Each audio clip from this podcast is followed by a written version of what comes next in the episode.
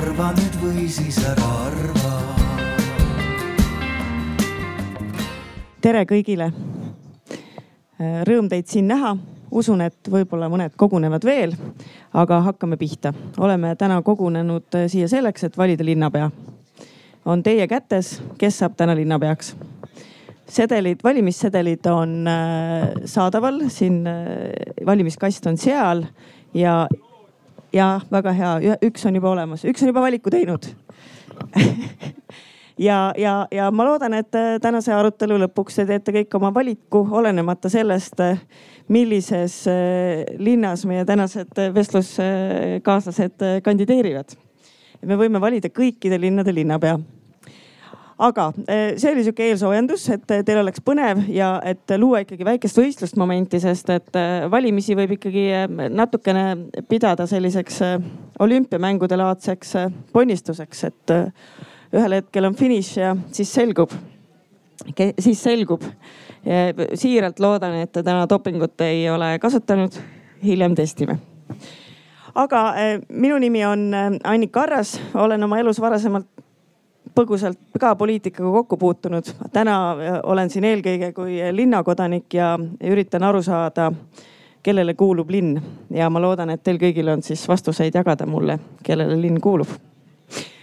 Teie käest, äh, head kuulajad, äh, võtan ka küsimusi, seega kui teil mingil hetkel tekib mõni mõte, mida tahaks öelda, siis ajage käsi püsti ma üritan teile silmadega märku anda, et ma olen aru saanud ja siis, kui tekib sobiv hetk, siis, siis ma võtan vahele küsimusi ka. ja mul on teile suur palve, küsimus olgu küsimus, et äh, kõnede vooru peame kuskil mujal. aitäh. Nonii, aga minuga siin äh, poliitikaala arvamusfestivali laval on koos äh, Loone Ots EKRE esindajana tervist kõigile, ma ei tea, mul ei ole mikrofon sees, aga. oli sees, mikrofon oli sees. ilusat päeva, nüüd on, ennem ei olnud. ilusat päeva kõigile ja rõõm teid näha sellisel arvukal kujul. Mart Maastik Isamaa esindajana. jah, tere ka minu poolt. Zuzu, Rohelised. tere, Züleyxa Izmailova, Eestimaa Rohelised. sul on fännklubi kaasas nagu alati. Kristen tere. ta on Reformierakonnast, kes ei tea. ja kandideerib Tallinna linnapeaks. Raimond. tere kõigile, head ilusat pealelõunat. kandideerid Tallinnas? no ma veel mõtlen, Paide on ka väga ilus linn ja äh, avalduste esitamisega on pisut veel aega, nii et mine tea, mine tea, kõik võib juhtuda. tore, et leidsid aega tulla. Äh, Ando, kuuldavasti Viljandist. ja tere erinevalt kõigist muudest minu vestluskaaslastest, äh, mul on linnapea kogemus ette näidata juba, et pole, pole paha, ma arvan. tervituse Viljandist siia kõigile. meiega on kogenud linnapea Jaan. Jaan Toots Tartust, et nagu sa palusid, et väga igavaks ei lähe kõik, et ma tahangi pöörata tähelepanu, et vaadake, Tallinn on ikka keskel nagu alati. Eestis Tallinn keskel, Tartu on ääre pealt päris ära kukkumas kahekesi. aga peame seda tõde meeles, et Tallinnast Tartu on väga pikk tee, Tartust Tallinna oli pidev lühem vaidlen vastu ja ütlen, et Tartu hoiab Eestit koos, nagu te näete, meie kahel pool siin ja kogu ülejäänud Eesti meie taga. ma olen ainuke kodanik, seisan keskel hea küll, aga läheme asja juurde et äh, meie arutelu äh, suur küsimus on, kellele kuulub linn ja, ja loodan, et sellele vastuse leiame, aga selle kõige sees üritame täna käsitleda äh, pikemalt kolme teemat ja mm, alustame sellest, et aru saada, millises linnas siis on hea elada. Siis räägime natuke ka linnaliiklusest ja lõpetuseks proovime rääkida, milline on üleüldse linnade laiem mõju ja, ja võtame ette ka keskkonnaküsimused milliseks see jutt tegelikult kujuneb, see on paljuski nüüd teie teha. et ma üritan küsimusi õhku visata ja, ja ma loodan, et saab olema põnev. aga esimeseks ma tegelikult eh, teeks selle suure ringi küsimuse, eh, kõigil sama küsimus ja ega ma teile üle minuti aega ei anna, et eh, filosofeerige siis natukene, et kellele kuulub linn ja mm, kui te sellele vastate nagu ühe sõnaga näiteks ära, mis võib juhtuda, siis laiendage seda mõtet, millist linna siis teie tahate kui te kandideerite, millisest linnast teie unistate? ja hakkame siitpoolt tagasi nüüd minema. Jaan, sina saad esimesena sõna. no selge on see, et linn kuulub linnarahvale ja lühidalt öeldes muret tekitab praegu Tartus, et ei ole rattateid punktist A punkti B, vaid kord on, kord ei ole. ja teine on meie parkide olukord, mis tuleb teha korda ja oleks vaba aja veetmine nii tudengite kui rahval. aitäh. Ando. no kõigepealt ähm, mina ilmselt olen siin see tegelane kõigist ülejäänutest erinevalt, kes, kes äh, püüab võidelda ka kuidagi regionaalpoliitiliste selliste eesmärkide eest, et, et Eesti ei piirduks äh, Tallinna, Tallinna lähiümbruse ja, ja Tartuga, et äh, ma arvan, et see on meie kõigi huvides, et elu areneks ja toimiks üle Eesti igal pool enam-vähem Mm, sellise mõnusa võrdse arenemisega. ja kellele linn kuulub, jah, loomulikult kuulub ta linna kodanikele, aga me peame alati meeles pidama, et linn on kultuurmaastik. ja seda tuleb kujundada selliseks, et inimesed seal ennast õnnelikena tunneksid. et ma arvan, linnakeskkond peab olema selline, kus inimesed saavad ennast teostada ja ennast äh, tunda õnnelikena no eks muidugi Tallinn äh, kuulub samuti tallinlastele, aga ma arvan, et pealinnana me peame kogu aeg arvestama ka sellega, et, et me peame olema pealinn kogu Eestile. kus siis äh, kõik Eesti inimesed ja, ja, ja kõik äh, Eesti külalised, kes Tallinna kaudu tulevad, tunneksid ka ennast hästi. ja ma arvan, et kui Tallinna väljakutsetest rääkida, siis kõige olulisem neist on, ongi see, et mitu kümnendit on seda linna arendatud väga autokeskselt ja nüüd meil on vaja pöörata see ringi ja teha selline inimkeskne linn, kus on kõige parem on käia jala, liikuda kergliikuriga, jalgrattaga ja nii edasi. et ma arvan, see on selline lähi, lähikümnendi suurim väljakutse. aitäh. ma jätkan sealt, kus Raimond lõpetas, et äh, ma arvan, et see arusaamine, et äh, linnad tuleks ümber kujundada terviklikult tuleviku väljavaadetele vastavalt, on vist praktiliselt kõigis poliitilistes jõududes Tallinnas muidugi need probleemid on väga küll ühe erakonna nägu ja just selle ainuvõimu tõttu, et äh, meie oleme seadnud enda eesmärgiks äh, kaasaegse linnaruumi, äh, kus lapsed saavad ise liikuma. MES-i pole bussijuht, mis on turvaline, kus on võimalik liikuda niimoodi, et sa jõuad viieteist, kahekümne minutiga tegelikult oluliste asjade juurde. ja võib-olla Tallinnast välja vaadates, ega siis noh, võib-olla Tartu näiteks on minu arvates just erinevalt sellest, mis Jaan ütles on pigem hea näide sellest, kuidas asjad on läinud, et äh, Tallinnas see linn ikkagi kipub kaugeks jääma ja selliseks äh, betoonsungliks tihtipeale. selle ümbertegemine on meie eesmärk. meil on üks suur lugu ühendatud Tallinn ja sellest loost me lähtume, nii et eks sellest kõigest jõuab rääkida. eks ma ka jätkan, et ähm, kui vaadata, rääkida sellest ainuvõimust, siis äh, tegelikult ei ole vahet, kas ainuvõim on äh, Keskerakonna või on see Reformierakonna või, või mõne veel erakonna käes, et kui võim on pikalt ühe erakonna käes olnud, siis äh, paratamatult tekib teatud määral stagnatsioon.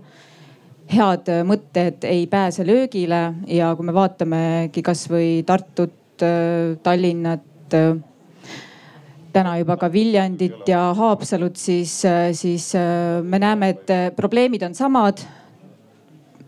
haljastust ei hinnata, kuigi meil on, äh, kuigi meil on käimas juba täna kliimamuutus.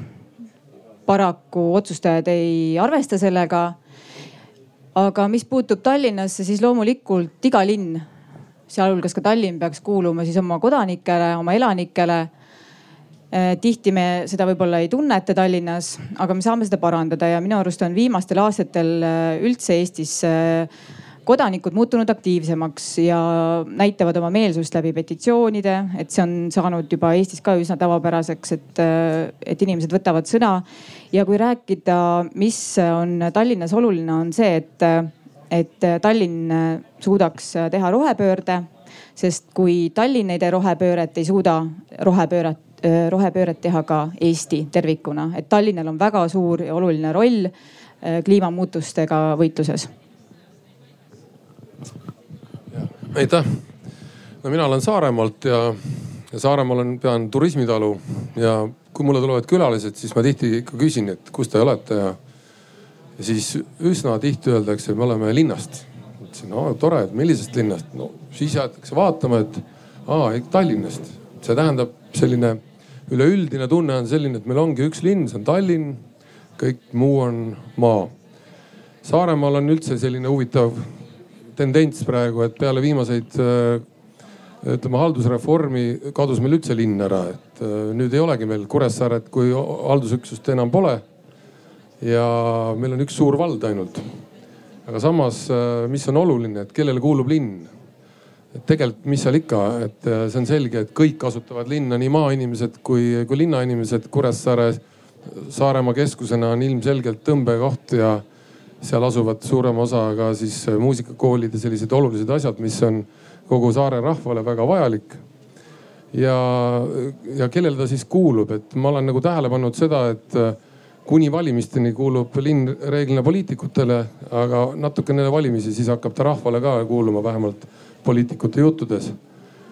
Ehm, mis, mida saab üldse muuta, on tegelikult see, et äh, suhtumist, sest et äh, ega siis äh, need poliitikud ei juhi seda linna otseselt.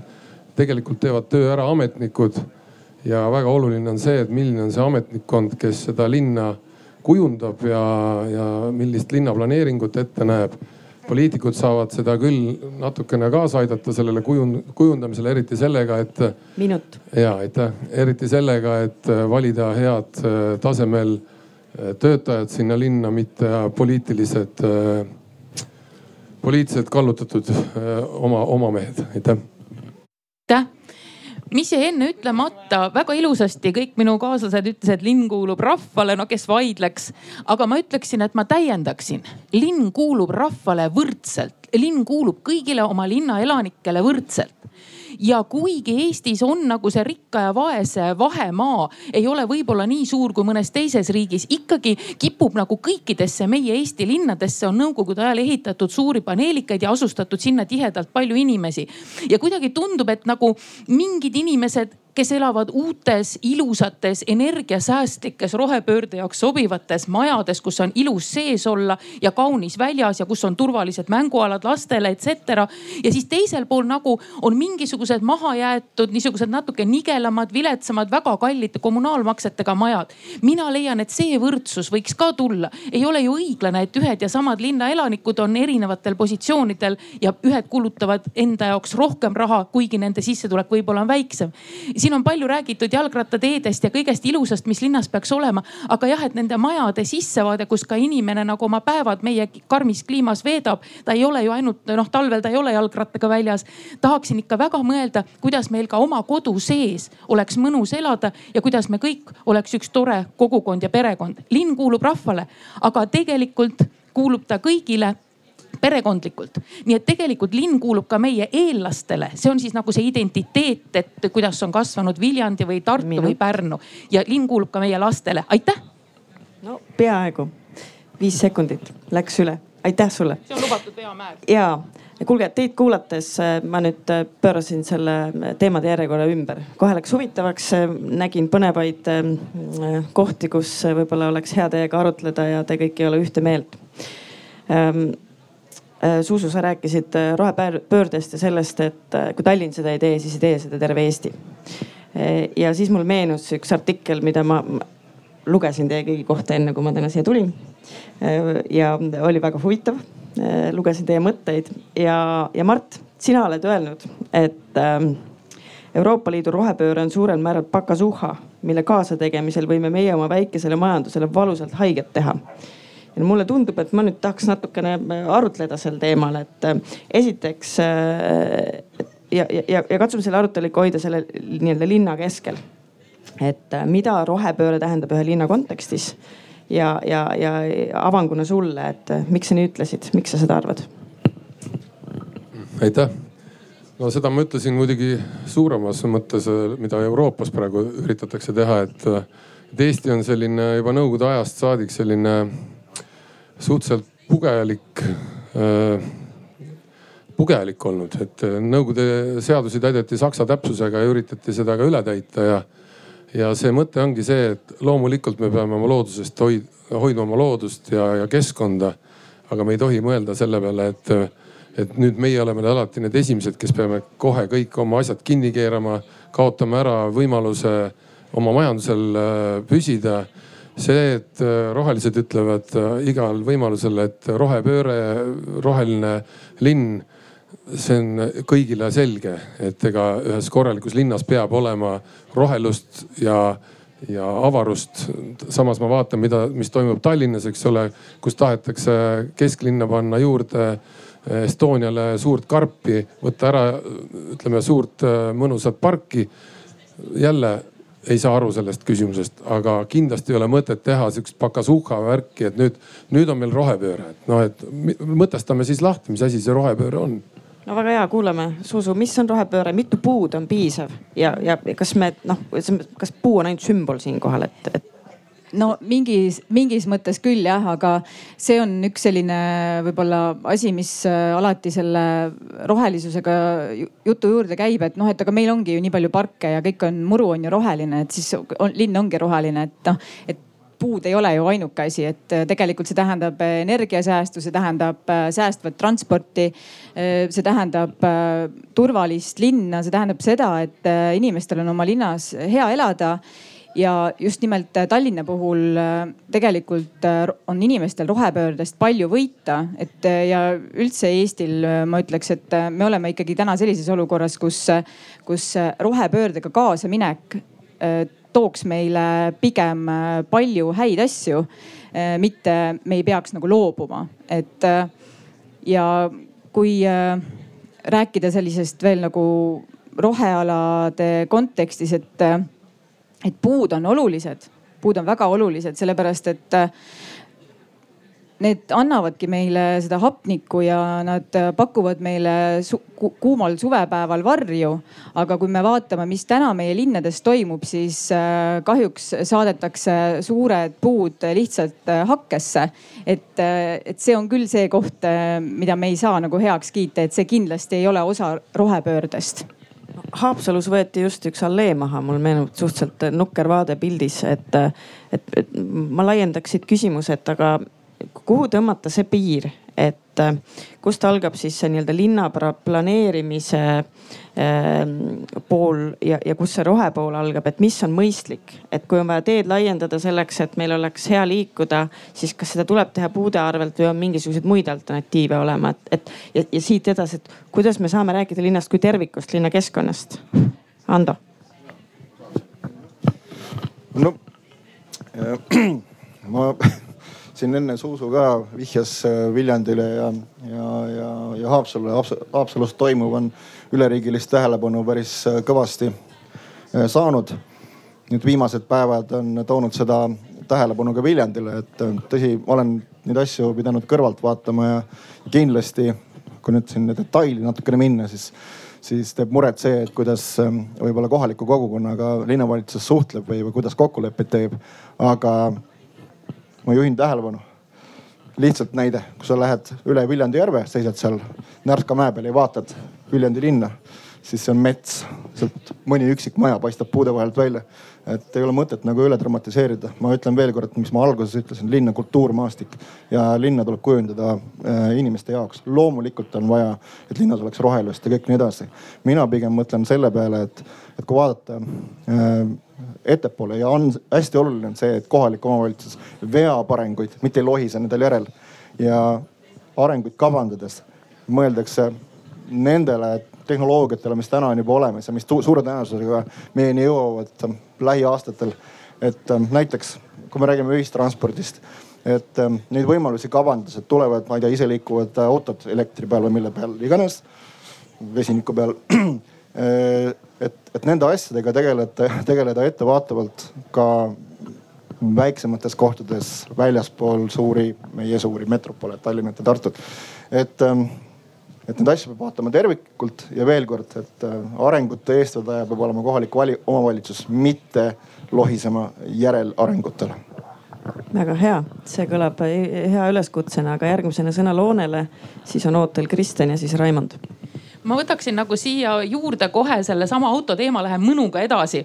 et äh, olge kenad, kes te siin kõik olete, palun olge kenad, tõstke käsi üles, kellel ei ole autot tublid olete, ma olen teiega ühes paadis, täpselt nii, mul ka ei ole autot. ja mina väidan seda, et tegelikult jalgsi kõndimine on kasulik inimesele, kes on noh, terve ja normaalne, füüsiliselt heas vormis või vähemalt keskmises nagu minukene. et mul ei ole mitte midagi selle vastu, et ma käingi Tartus ainult jala, ma ei, ma ei ole ühtegi korda vist viimase kümne aasta jooksul kasutanud ühistranspordi, tõsi küll, mõnikord Bolti võtan nagu taksot, kui mul on rasked kotid, jah, seda olen teinud. aga võimalik on käia, samas peame mõtlema nendele, kellel noh, ei ole nagu nii head liikumise võimalust, ikka need eakad ja, ja võib-olla lastekärudega emad või kellel on lapsekesed käe otsas ja nii edasi. nii aga nüüd tekib tegelikult juurde küsimus, et kõikidel on autod, need, kes käed ei tõstnud, teil on autod, eks ole. võib-olla teie kodukohas on parkimine hästi lahendatud, aga üldiselt on see igasuguste suuremate linnakeste suur peavalu, et kuhu autosid parkida. täna tulen ka sinna Arvamusfestivalile tulin, mitte oma autoga. vaatame jälle, et ei ole kuhugi parkida. ja siis selle parkla küsimus, nüüd tulen ma tegelikult oma pointi juurde. et tegelikult on küsimus selles, kas ühistu hakkab tellima kallist parklat, mille noh, kõik normid vastavad suurepäraselt viisakalt rohepöördele, keskkonnasäästlikkusele, kõigele.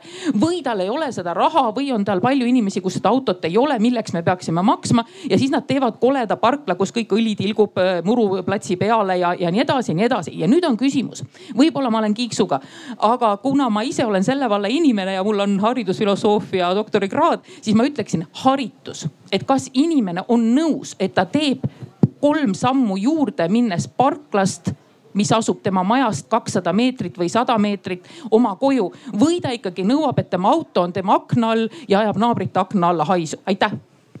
aitäh sulle, Kristjan, võta otsa üle. ja, et rohepöördest, noh sellest on palju kirjutatud ja arutletud, et mis maailmavaade see on. mina arvan, et Eestil on e, praktiliselt vist kõikidel erakondadel juba see arusaamine, vähemalt mulle nii tundub, võib-olla EKRE osas eksin, eks ju, aga mm, ütleme rohepöördega, eh, uute moodsamate ja soodsamate tehnoloogiatega minek edasi ei ole enam nagu minu ise, minu meelest isegi debati teema, et see ei ole valik, see on paratamatus ja on üksikuid kohti, kus selle üle vaieldakse, aga kui vaadata Eesti transporti, siis sellega on endiselt näitajatega probleem, see tuleb linnades ringi teha. Linnade planeerimine, noh kui rääkida Tallinnast ja noh, me ei pea ainult Tallinnast rääkima, võib-olla mujal on see kuidagi paremini korraldatud, keegi oskab näite tuua aga Tallinnas on see pigem juhuse sünd, et äh, isegi haridusvaldkonna kavad, mis on ette teada, ei arvesta tegelikult, selle järgi ei tehta planeeringuid. ja nii juhtubki, et kui on kooliaeg ja ei ole parajasti koroonaaeg, siis tänavad on umbes, emme-tissid veavad selle asemel, et lapsed saaks ise liikuma ja nii edasi ja noh, rattateed sinna otsa, kõik see muu. nii et äh, ma olen siin, olen isegi äh, Züleyhaga nõus, et äh, ega linnad seda igal juhul peavad vedama. Tallinn kindlalt on üks koht ja arvestades seda nüüd, mis on lähiaastatel Euroopas ja ütleme välisrahastuses selles võimalused tekkimas, me oleks ikka purulollid, kui me seda ei teeks tegelikult, eks, et. Ja noh, vaadates ka seda suve, see soe suvi võib meeldida, eks, aga ühel hetkel, kui sa hakkad ikkagi lugema uudiseid kumakuplis, siis tegelikult tahaks mõelda, et elamufond on ringi tehtud, kõik see muu, see tähendab nii suvel soodsamat, moodsamat elamist, väiksemaid kodukulusid kui ka talvel, nii et ma arvan, et see on ka indiviidi ja pere tasandil väga vajalik. Ja noh, eriti sellest, eks, et äh, siin need, kes kätt tõstsid, autot ei ole, võib-olla vanematel inimestel on autod, eks ju, lapsi vedada tegelikult sunnist. Selle asemel saaks lapsed liikuma ja vanemad inimesed ka liikuma, see on linnas päris oluline tegelikult. ja aitäh, no mina nii optimistlik kui Kristjan ei ole, et mulle tundub, et Eesti erakonnad enamasti on küll üle võtnud äh, selle retoorika, mis puudutab äh, kliimakriisi ja rohepööret ja, ja ma arvan paljuski sellepärast, et neile justkui tundub, et, et kusagil seal Brüsselis nagu oodatakse, et seda peaks ütlema. aga kui vaadata tegelikke otsuseid, siis need tegelikud otsused ei ole tihti äh, sellega kooskõlas osalt see on poliitiline probleem, et kui te vaatate Tallinna arvude statistika kogumikku, siis te näete, et aasta-aastalt kasvab nende inimeste arv, kes peamiselt liiklevad autoga ja autosid on linnas üha rohkem. et täna kainelt vaadates Tallinna valijaskonda, siis seal kõige enam on neid inimesi, kes liiklevad autoga, kes omavad autot ja nende hääli on tegelikult kõige rohkem ja ma arvan, et nende hääl saab olema nendel valimistel päris kaalukas, võib-olla kaalukam, kui me praegu meediast arvame aga teine asi on investeeringud ja otsused, et äh, äh, ilmselt üle Eesti on märgatud uudiseid, et Tallinn tahab ehitada suure uue haigla see suur uus haigla äh, kõikides uudistes käib läbi, ehitatakse Tühermaale. aga tegelikult, kui te lähete sinna, siis tegemist on väga ilusa Lasnamäe serval asuva rohealaga seal selle asfaldi ja betooni džungli kõrval. et miks me ehitame ta sinna, mitte juba hoonestatud kinnistule täpselt samamoodi meie riik, väga lühidalt näide, kes räägib ka, et meie valitsus soovib justkui läbi viia ja toetada rohupööret, rohepööret minu koduses Põhja-Tallinnas on mõned suured mereäärsed riigile kuuluvad kinnistud, mis täna ei ole hoonestatud. sinna tahetakse ehitada mida? kahe uue siseministeeriumi uut maja ja keskkonnaministeeriumi uut maja. et selle asemel, et näiteks tekitada sinna mereäärne park ja teha korda need vanad hooned, äh, mis on, mis praegu on ministeeriumitel. selle asemel vanad hooned jäetakse maha, ehitatakse uued majad, mis oma, ei ole väga keskkonnasõbralik tegevus ja tehakse need sinna, kus tegelikult võiks olla roheala. nii et ma arvan, et meil äh, meil on ilusat juttu, on oluliselt ja oluliselt rohkem, kui on tegelikku sisu ja tegelikku tegusid. aitäh. aitäh sulle äh, Jaan, Raimond mainis just äh, Tallinna haiglat ja, ja mulle sellega seoses meenus, et sina oled välja öelnud, et Tartu vajab oma linnahalli. mis lugu selle linnahalliga on? ei, võite anda, see on hea, aga ma tahaks ennem äh, Raimondile aitäh öelda, et sa tõesti tõstsid küsimuse üles, mis on ka Tartus praegu, et et kesklinnas on üks ilus-ilus park meile, mis tahetakse kohe suur kollakas peale panna, et aitäh, et aitad seda vaja ei ole.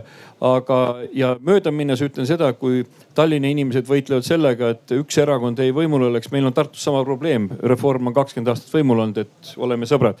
aga eh, mis puudutab linnahalli, siis Tartus on selline eh, selline eh, ettevõtmine olemas, praegu me püüame riigi käest saada need võimalused. Tartu raadiuses kuuskümmend kuni seitsekümmend kilomeetrit elab kolmsada tuhat elanikku ja ainuke linnahall on Tartus, Eestis ja on lauluväljak, kus on siis suvel kontserdid.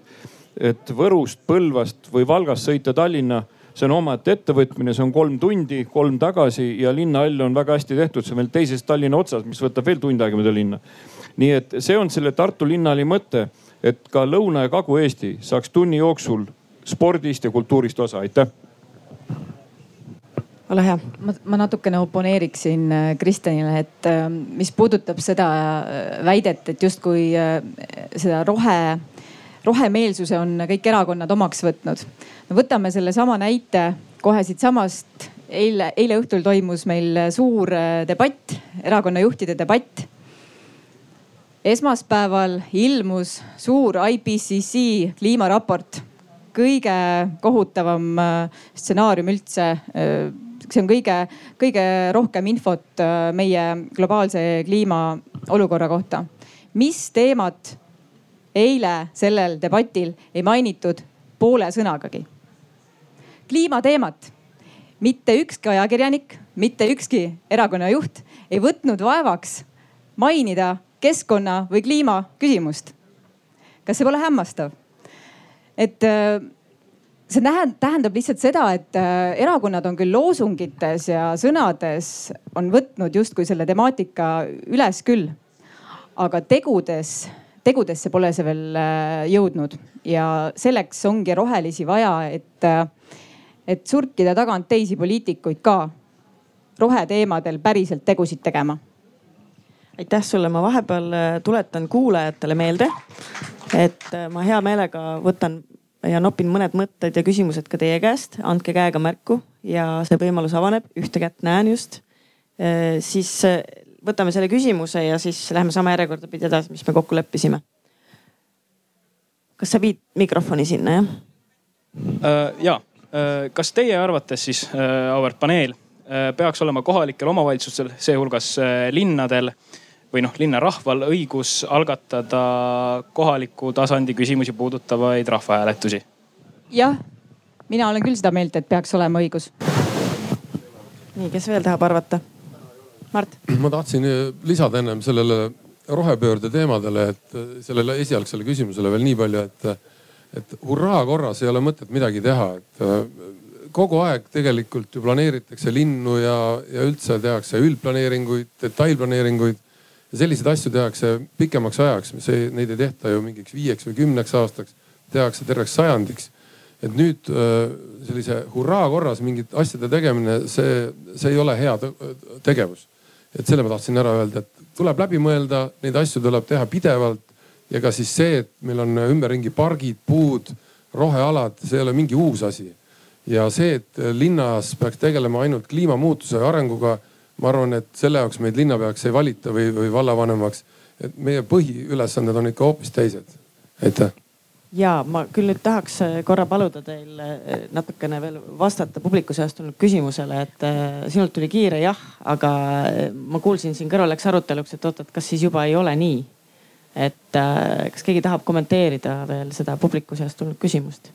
ma nüüd loodan, et ma ei eksi, aga minu meelest Tallinnas see võimalus on, on tänagi olemas, et iseasi, kui nutikalt seda seni on kasutatud, aga, aga see peaks olema küll, võimalus on olemas ja ja loomulikult ma arvan, et äh, eriti kui me läheme hästi nagu sinna kohalikku kogukonda, et mitte ülelinnalised asjad, vaid võib-olla isegi siuksed kohaliku asumi küsimused, siis seal minu meelest peaks inimesi kaasama ja kõvasti rohkem, kui seda sõna tehakse, on see küsitluse vorm või mingi muu vorm. ma repliigi korras lihtsalt mainin ära, et täna ei ole selliseid äh, siduvaid äh, algatusi äh, võimalik tegelikult teha, et see ikkagi oleneb väga kohaliku võimu suvast et rahvaalgatusportaal küll töötab jah? Loonekord ja siis Jaan. aitäh, nii palju kui mina tean, Tartus meil seda võimalust ei ole, aga teate, eh, Kalevipojas on öeldud, et ükskord need pirrud lähevad lõkendama kahel otsal, tegelikult see on kahe sarvega küsimus.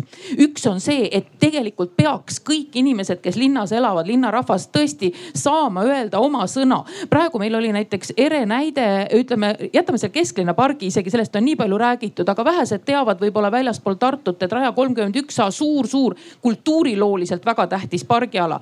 Oskar Kallase, Eesti esimese folkloristika doktori diplomaadi, rahvusvaheliselt tuntud mehe ja tema abikaasa Aino superkirjaniku villa ümbrusesse ehitatakse suur asum. ja seal samamoodi rohelust maha, inimesed ei taha, keegi ei küsi ja öeldakse, öeldakse ametniku seisukohast, aga meil on plaanid juba ammu ette tehtud, et me ei saa neid asju muuta. vot selleks on vaja, et inimesed enne teaksid ja siis me teeme plaanid. aga teine asi on nüüd see teine sarv või teine pilaku ots, et inimesed peavad saama ka infot, rohkem haridust, rohkem teadmisi sellest, mille üle nad hääletavad, et ei tekiks mingeid imelikke emotsionaalseid hääletusi. ja selleks omakorda me vajame selgeid, lihtsaid, arusaadavaid kontseptsioone, mille üle rahvas saaks arutada, nii et see ei ole üle nende pea. aitäh. aitäh sulle, Jaani kommentaar no mina vastan küsimusele väga lühidalt, et tõesti rahva arvamust, linnaelanike arvamust peab äh, tähtsates Äh, projektides ja, ja ümberehituses arvestama, nii et see on õige, tuleb teha. Kristjan äh, ma ei taha teie entusiasmi jahutada, aga tegelikult need mehhanismid on olemas nii riigis kui linnas, iseasi, kas seda kasutatakse, et noh, näiteks majanduskomisjonis, kuhu Raimond ka kuulub, äh, hiljuti arutasime kahte petitsiooni, üks palus tuumajaama ehitada ja teine ütles ärge ehitage mitte mingil juhul, eks ju, et samamoodi oleme arutanud, kas Rail Baltic tuleks seisma panna ja nii edasi. nii et eh, need võimalused on olemas ja, ja noh, tegelikult on ka ikkagi saadikud, saadikud millekski valitud, et eh, mina ei ole näinud küll ühtegi suuremat muret, kus eh, läbi ühismeedia või sotsiaalmeedia, kuidas iganes seda nimetatakse, ei saaks piisav hulk murelikke kodanikke oma saadikule pihta ja noh, eriti võimekas on Sinise Äratuse seltskond, kes selle küsimuse esitas, nii et küll nad saavad hakkama. aitäh sulle. Äh, nüüd sellest praegusest teemast äh, kinni hakates ma paneks nüüd sellele rohepöörde teemale korra punkti. ma küll pean ütlema, et me jääme väga pinnapealseks, aga see on nii keeruline teema, et me ei, me ei suuda siinse ajaga sinna sisusse minna. ja, ja kui me räägime sellest, et linn kuulub rahvale ja, ja kas ja kui palju peaks rahvas osalema siis äh, nendes samades otsustusprotsessides ja justkui võimalused on olemas, siis me võiks natukene rääkida kaasavast linnaeelarvest. Et äh, Tartu on seda esimesena teinud juba minu arust päris pikka aega ja, ja, ja järjepanu on tulnud üle Eesti veel äh, omavalitsusi, kes on seda katsetanud. et kuidas te sellesse suhtute, kas seda peaks tegema rohkem? Ja, ja kas on mingeid selliseid häid näiteid, kus äh, see, see annabki nagu selge tunnetuse, et minule kui linnakodanikule, et päriselt nagu ma ka mõjutan midagi rohkemat kui see, et ma täna otsustan, keda ma teist valin ma siis vastan kohe, kui Tartut nimetasite, et tõesti see kaasav eelarve on juba minu teada, kas see on kuus, kuues, kuues kord olnud. aga sellel on väga väike nipp, et kui linnavalitsus seda ka kuulda võtaks mis see tähendab, et äh, lubatakse äh, hääle valida, aga siis äh, lõpuks tehakse mingi muu otsus või? jah, ma ei tea ühtegi kaasavat eelarvet, mis oleks käiku läinud. ma, ma olen küll muud kuulnud, aga, aga kohe. on ikka, et ja, isegi mina tean, et Tartus on. no minu arust ka on. Tartu järgi Viljandi ilmselt oli teine ja, ja ma arvan, see oli kaks tuhat viisteist, kui me selle esimest korda äh, tegime. ei, kaks tuhat neliteist, sorry ja et äh, ja kaks tuhat viisteist tehti objekt ehk siis kaks tuhat neliteist inimesed hääletasid, kaks tuhat viisteist tehti objekt. nüüd ma olen neli aastat eemal olnud, vaadanud seda vigurit kõrvalt. numbrid, mida jagatakse, on täpselt samasugused nagu nad olid viis aastat tagasi. ehk siis lahjavõitu ütleks ma. ideid tuleb, inimesed muidugi on päris aktiivsed esitama ideid ja see annab kindlasti kohalikule omavalitsusele, eks ole, ka märku selle kohta, et mida tegelikult kuskile väga vajatakse ja kuhu peaks vahendeid suunama. Aga see, et ma ei tea, kuus aastat järjest on, on see eelarve maht Viljandi linnas kolmkümmend tuhat eurot, see on naeruväärne. kas me pidime kõik ütlema või ma? mitte, mitte kõik, vaid siis kuidas sa ka Aa, meelt, meelt, meelt avaldate. no Aa, ja. ei okei okay,, ma, mõtlesin, ma mõtlesin, et see on jälle sihuke, kus peab ringi tegema. et Tallinn ka on kaasavat eelarvet on, on katsetanud. ma arvan, et sellega tuleks edasi minna üldse, ega tegelikult on, eh, kui lugeda kirjandust, on erinevaid mõtteid, kuidas seda nii-öelda esindusdemokraatia formaati parandada, huvitavamaks teha. et noh, näiteks miks mitte mõelda, et võib-olla tulevikus pool volikogu koosseisust äh, mitte valida, vaid nimetada juhuvalikuga, nii nagu näiteks äh, valitakse osades riik, osades riikides vandekohtunikke et äh, ma arvan millegipärast, et see võiks olla päris huvitav eksperiment, kui nii-öelda professionaalsed poliitikud peaksid ähm, täiesti juhuvalikuga valitud linnakodanikega kokku leppima näiteks linnaeelarve küsimuses. ma arvan, et võib-olla nii mõnigi valik tehtaks hoopis teistmoodi, kui seda tehta, tehakse praegu äh, inimeste poolt, kes mõtlevad eelkõige, kuidas järgmistel valimistel valitud saada. nii, Kristjan, järgmine ja Jaan siis veel uuesti ja, et eh, Tallinnas on küll jah, nii palju võib öelda opositsiooni poole pealt, et eh, kui miski on hästi läinud, siis eh, see asumifondi idee, mis oli algselt, et asumite vahel siis kaheksa miljonit Tallinna eelarve juures oleks jagatud, on saanud kaheksasada tuhat, on tegelikult iga aasta selle peale ja see on üks väheseid kohti, kus meil on reaalselt ka ainuvõimuga õnnestunud edukas koostöö teha. küll on see metsikult bürokraatlik ja, ja noh, võib-olla äh, Äh, võib öelda, et äh, noh, esimese katsetuse käigus on ta ikkagi läinud niimoodi, et noh, keegi pole päris kindel, kuidas see lõpeb. aga kui küsida, kas seda metoodikat kasutada, siis mina küll kasutaks julgemalt, et noh, võib-olla jälle igal omavalitsusel on oma mured, eks, aga Tallinna puhul on nii, et kui sul on erinevad asumid ja need on omade nägemustega, kuidas need asjad võiks välja näha ja linnaosad, siis eh, seal inimesed ikkagi võiks enda jaoks olulist objekti koha peal korraldada ja lõpuks saaks need linnaosakogud, vana nimega halduskogud, ka mingisuguse päris mõtte, eks ju. täna nad käivad koos ainult siis, kui linnaosa vanem justkui tahaks nõu küsida ja noh, tühja ta siis nendes küsimustes küsib, kus ainuvõim on otsuse ära teinud, eks ju. ja, ja alati need otsused ei oleks soodsad ainuvõimule, nii et selline viis rahaga otsustada ja kaasa rääkida iga aasta võiks olla üks viis, kuidas eh, ka Tallinn saaks tegelikult reaalselt linnaosades noh, kas demokraatia või natukene nagu jõudu taha, et eh, meie kindlasti seda toetame ja ajame ka edasi nii Jaan ja siis sinu kord. ma nii palju parandan, et see kaasava eelarvega ja see vastab tõele, et Tartus see sada tuhat, mis on ette nähtud, need on kõik täide viidud. aga kaasava eelarvesse projektid, mis on esitatud suured, mida rahvas tegelikult tahaks näha Tartus, neid pole arvestatud. nüüd ma olen nõus ka Viljandiga, et teil kolmkümmend tuhat ja Tartus sada tuhat. see ei ole see, mida nüüd rahvas saaks otsustada võrreldes eelarvega, aitäh et mina pooldan ka kaasavat eelarvet, aga minu ja. nägemuses äh, peaks äh, see summa, mille üle kodanikud äh, saavad otsustada, olema ikkagi märksa suurem. et kui me räägime nendest summadest, mis praegu on läinud nagu inimeste otsustada, need on ikkagi kaduvväiksed võrreldes kogu linna eelarvega et äh, see on kindlasti hea meetod, kuidas nagu saada kodanikke aktiivsemaks ja kuidas äh, inimesed äh, rohkem pööraksid tähelepanu oma elukeskkonna probleemidele. ja mis puudutab nagu konkreetselt Tallinna praegu, siis minu arust see katsetus nagu näitas, noh tõi välja mingid nõrgad kohad, et kus minu arust kohati muutus see selliseks siis istuva võimu selliseks poliit poliitiliseks nagu selliseks mõjutusvahendiks, et, et kus noh, et ütleme nii, et Tallinnal on kindlasti väga palju arenguruumi. aitäh ja, et Saaremaal äh, igatahes toimib väga hästi praegu kaasav eelarve ja noh, summad loomulikult võivad alati suuremad olla, aga ma tahan juhtida ka tähelepanu sellele, et ega poliitikud, kes sinna valitakse volikokku ja kust tulevad need suuremad otsused, on ka rahva poolt valitud, nii et ega siis äh, see ei ole ka nii, niisama ei tule need otsused. aitäh. aitäh no ega see kaasav eelarve ei teki ka tühjalt kohalt, et isegi kui me kõik inimesed kaasaksime, siis sel juhul me ikkagi vajame neid inimesi, nii et tegelikult meil on ka küsimus rahvastikust, et kui paljud siis nagu, et me hääletame kõik kaasava eelarve poolt, aga samas, et kui paljud tegelikult reaalselt maksavad oma makse näiteks noh Tartu linnale, Kuressaare linnale, Viljandile, Tallinnale ja nii edasi. sellest ju sõltub ka see rahakoti paksus mõnevõrra.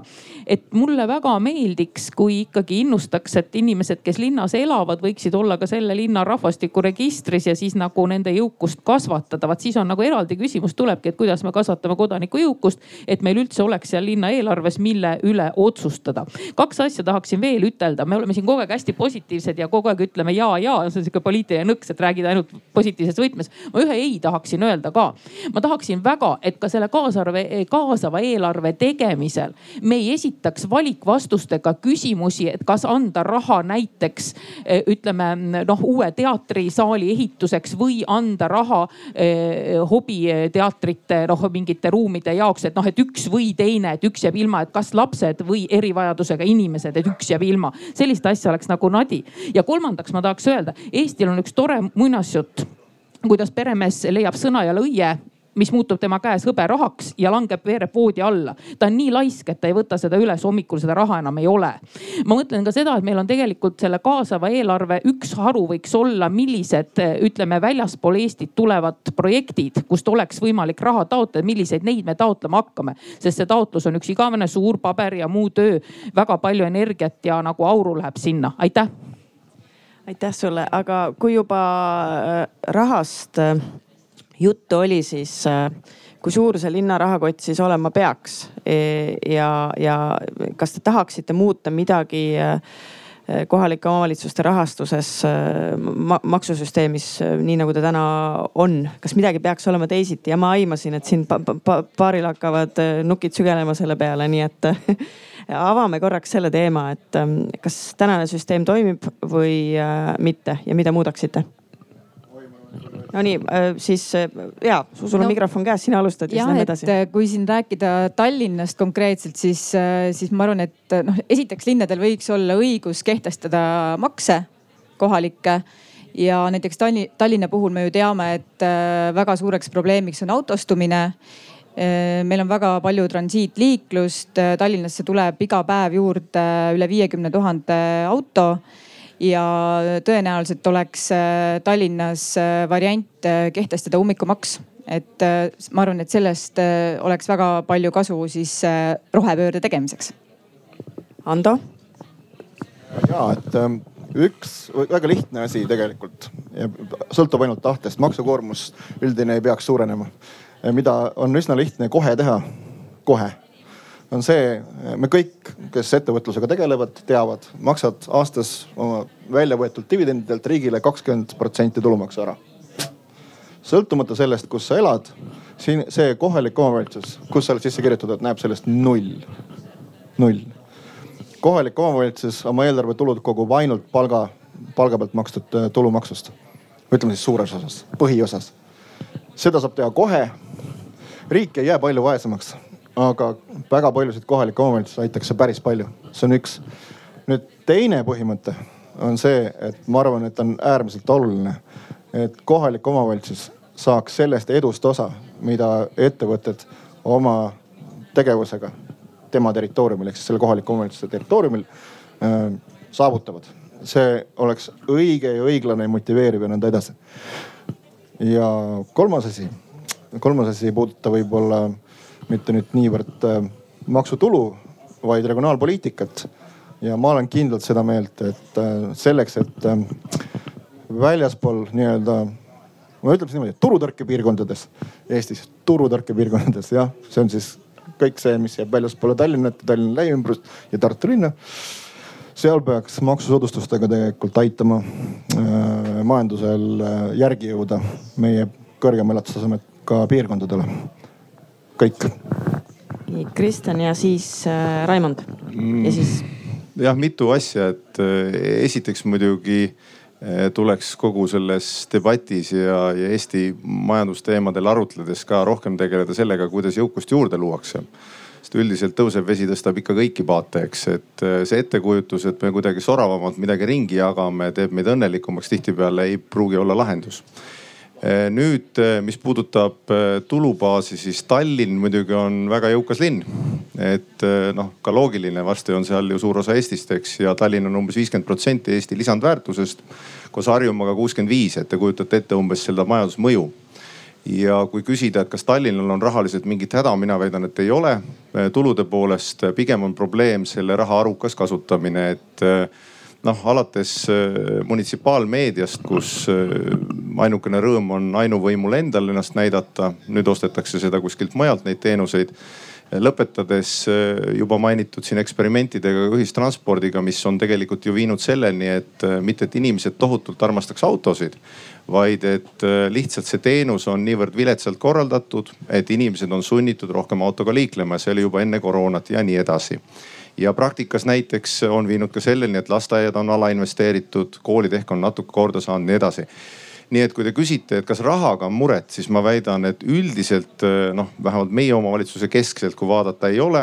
üle Eesti pigem peaks tegelema jõukuse loomisega. küsite suur projekt, võin öelda Tallinna-Helsingi tunnel see tuleks kindlasti ära teha, see aitab mõlemat riiki ja kindlasti huvitab ka Paide kandi rahvast, mitte ainult Tallinnat, nii et palun.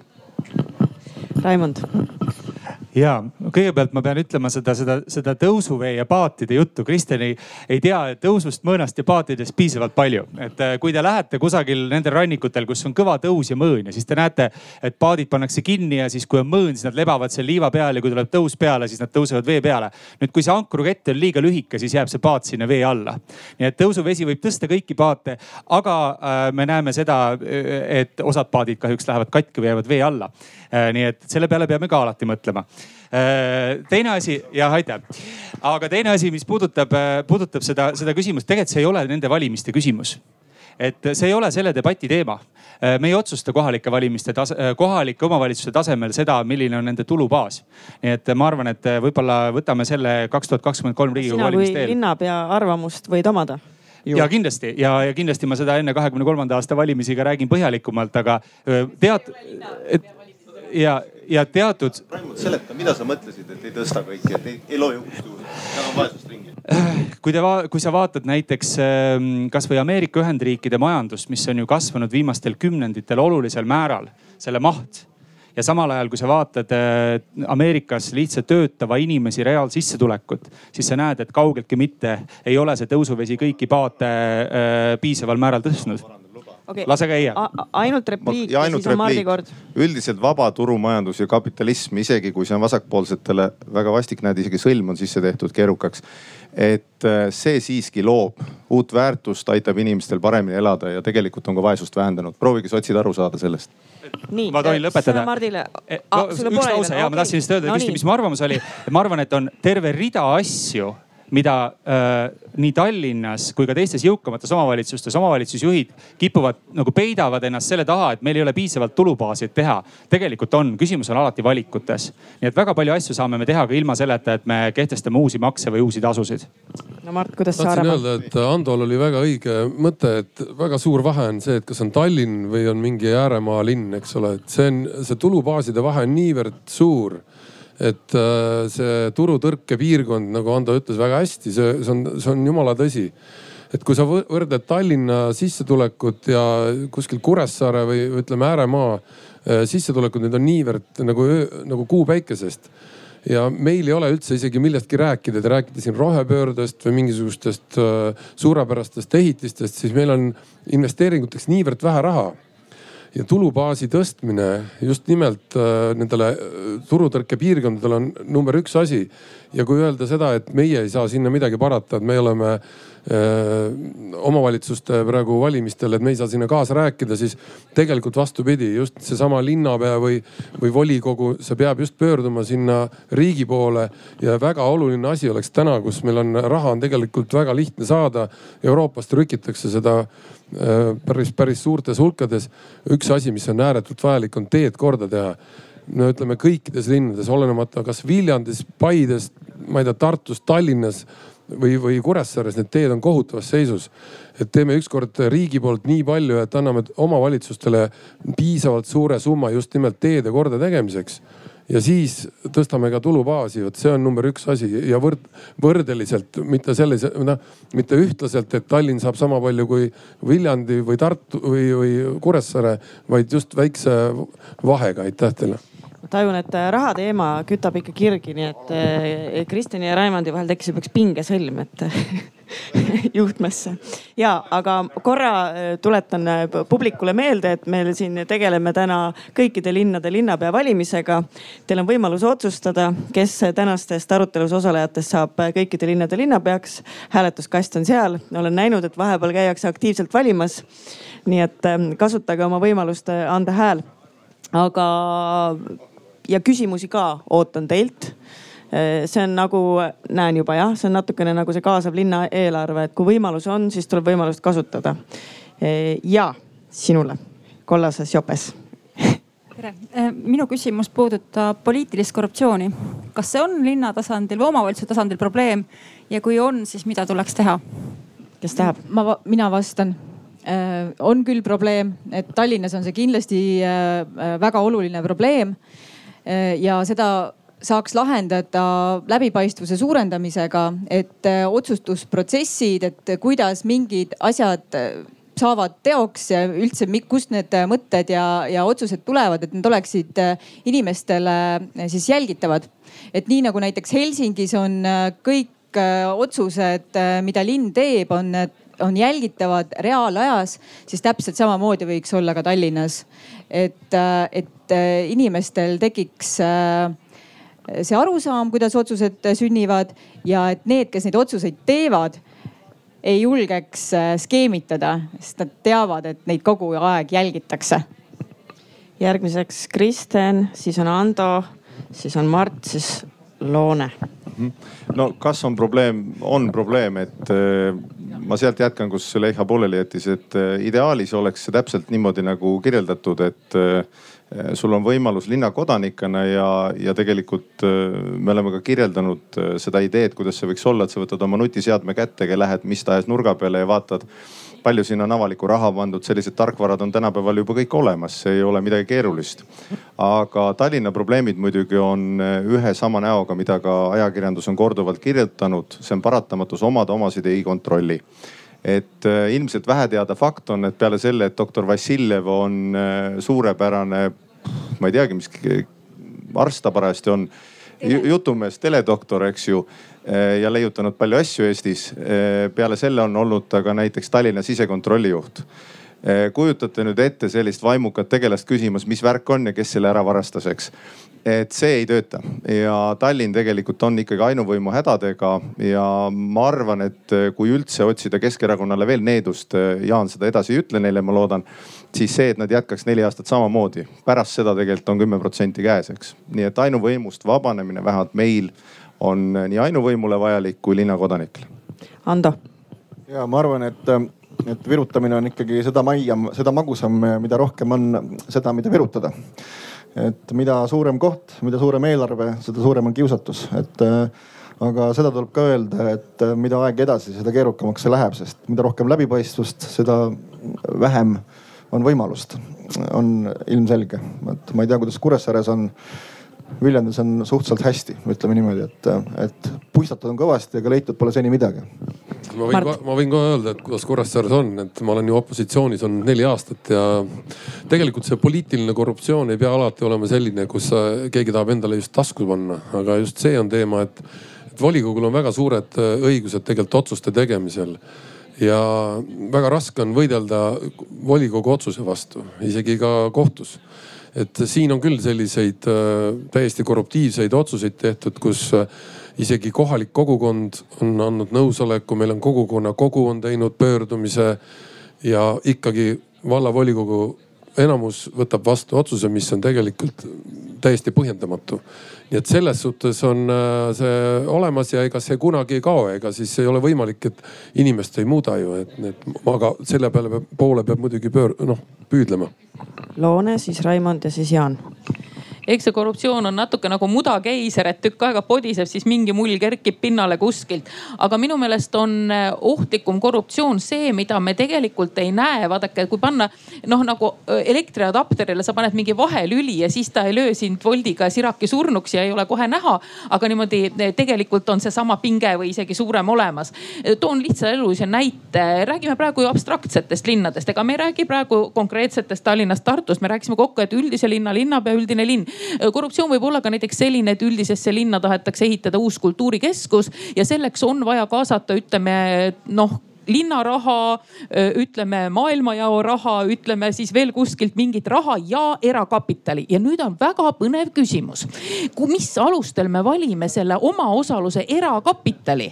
kas erakapital võiks näiteks tulla nii, et mina ütlen sulle, et kuule, kas sinul sõber on praegu erakapital, anna mulle viis miljonikest, mis tas ära ei ole. ja sõber annab või me teeme siis mingi konkursi ärimeestele, aga, aga võib-olla ei tee ja siis selle erakapitali annetaja näiteks saab pärast pärast noh, me teeme võistluse ja kel võimus seal õigus, me valime volikogus, et just tema näiteks saab parkla sellesama kultuuri või mis iganes keskuse lähedale, see parkla toob aastas näiteks talle miljon tulu, viie aastaga on viis miljonit tasa, kümne aastaga on viis miljonit kasumit, et cetera. tõin praegu täiesti lambist väga noh, niisuguse abstraktse näite, aga seda peaks ka jälgima. aitäh. see EKRE valimisprogrammis ei ole Tartus? EKRE valimisprogrammis on täpselt seda sees, et nõukogudes ei oleks sellist võimalust, et mul on isiklik huvi ja niisugused asjad olemas, see on meil väga täpselt sisse kirjutatud aga meil on kirjutatud ka sisse väikeettevõtluse toetus, nii et see võiks ju korruptsiooni vähendada, et me ei räägi tohututest projektidest, oo tselluloositehas, oo mööblitehas, oo veel midagi. vaid et me toetame kõiki, kes tahavad midagi ilusat ja head teha, et kasvatada üldist hüvet ja iseenda mõõdukat mõistlikku jõukust, aitäh. Raimond ja siis on Jaan.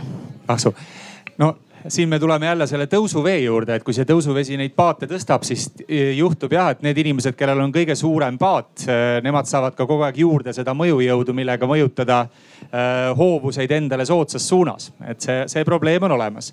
aga tegelikult mul on väga suur ühisosa praegu siin nii Roheliste kui Reformierakonnaga, et kõigepealt äh, Zuzuul on absoluutselt õigus, kui me räägime andmetest kui te vaatate näiteks äh, viimasel ajal rahvusvaheliselt äh, Navalnõi mürgitamine või Ukraina kohal alla lastud reisilennuki puhul väga olulist rolli mängivad äh, organisatsioonid, mis nagu Bellingcat, mis tegelevad ka siis avalikult kättesaadavate andmete analüüsil äh, nagu seoste loomisega.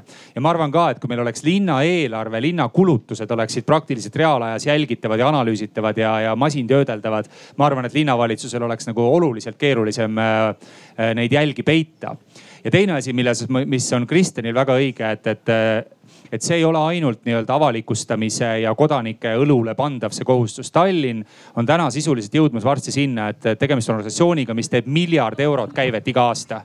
et see on väga suur raha ja tänasel hetkel selle miljardi euro äh, kasutamist kontrollib linna sisekontroll, mis allub linnapeale ja kus sisuliselt linnapea saab täpselt sellise sisekontrolli akti, nagu tal vaja on. kui on vaja keegi lahti lasta, siis kirjutatakse, et tegemist on kaabakaga ja pätiga ja kulutab linna raha väga ebaefektiivselt. ja kui on vaja nii-öelda mõni skandaal äh, maha tõmmata, siis sisekontroll läheb sinna sisse ja ütleb, et tegelikult on juht teinud ideaalselt kõike, kõik on super. et ma arvan, Tallinna puhul küll võiks nagu mõelda sellise asja peale, et Tallinnal võiks võiks olla natuke nagu riigikontrolöri moodi äh, kontrollorgan, kelle ametisse nimetamise ja, ja küsimusega peaks olema volikogus küllalt suur selline konsensus. ja et see oleks linnavalitsusest sõltumatu ja linna äh, peale ei alluks. et siis oleks, ma arvan, see järelevalve ka oluliselt tõhusam. nii ja Jaan ja. lõpetab sellele küsimuse vastamise. aitäh, Allo on kuulda jah? et ma tänan sind, et Tartus sama probleem, et kindlasti me tahaks Tartu ka sellist kontrolli saada. et seal on ka kakskümmend üle aasta olnud reform võimul. Michal ütleb siin, et, et ei ole, on küll nelikümmend viis protsenti volikogust on reform ja sa ise poliitikuna tead, kuidas see mõjutab, et Tallinnas on ta kogemata viiskümmend üks. aga mis puudutab Mart, sina ütlesid õieti, et täna korruptsioon ei ole see, kas kellelegi midagi tasku läheb, vaid suurem korruptsioon on see, kelle kasuks midagi otsustatakse. et see on see probleem, eh, mis tõesti, nagu te ütlete, võiks olla volikogu otsused väga-väga läbipaistvad, kuidas nad tulevad, kes võib kuhu ehitada ja kes midagi ei saa nii Kristjanilt repliik ja siis ma, võtame publiku seast veel ühe küsimuse. nii palju täiendan ainult, et äh, vaata Jaan, see vahe Tallinna ja Tartu vahel on, et Tartus on alati mingisugune tasakaal. Tallinnas äh, ei ole reaalset tasakaalu juba neliteist aastat umbes ja ütleme nii, et äh, see tegelikult on viinud olukorrani, kus noh, näiteks Tallinna volikogus olev revisjonikomisjon, mis peaks ju olema klassikaliselt opositsiooni juhtida, tegelikult on koalitsiooni enamusega ja see tähendab seda, et isegi kui küsida mingisugune kriitiline küsimus, eks ju, toas tooli ei ole, kadunud on, kus tool on, siis jõutakse järeldusele, et küll tool ise ära läks, eks, et nii see Tallinna asi on kahjuks, see on ainuvõim aitäh ja aitäh hea küsimuse eest, et näha on, et kõigil oli väga tugev, kõigil olid tugevad arvamused sel teemal. ja publiku seas oli veel üks küsimus, ole hea, sinu kord tere, äh, Johanna-Maria Tõugu. Äh, selline mm, mõte, et kui siin räägiti äh, sellest, kuidas sellised rohepöörde investeeringud võtavad väga palju raha, siis näiteks Tallinna kesklinnas olid sellel suvel suured teetööd ja kui minul oli selline suur lootus et nüüd äkki teeme äh, teed paremaks selles osas, et, et ka kergliiklejad saaksid äh, ringi liikuda ja nii edasi, siis tegelikult äh, seis oli selline, et augud parandati ära, aga kõik jäi samaks ja, ja mitte midagi nagu tegelikult ei muutunud. nii, aga see maksis ju ilmselgelt väga palju raha ja nüüd tekibki see küsimus, et väga palju ei oleks äh, läinud ju raha rohkem, kui äh, teha sinna paar äh, joont juurde, et siit lähevad jalgratturid, et. et ma ei saa nagu nõustuda sellega, et rohepööre nii palju maksaks, et mida, mida näiteks Isamaa esindaja sellest arvab, miks, miks niimoodi, miks see kallis on?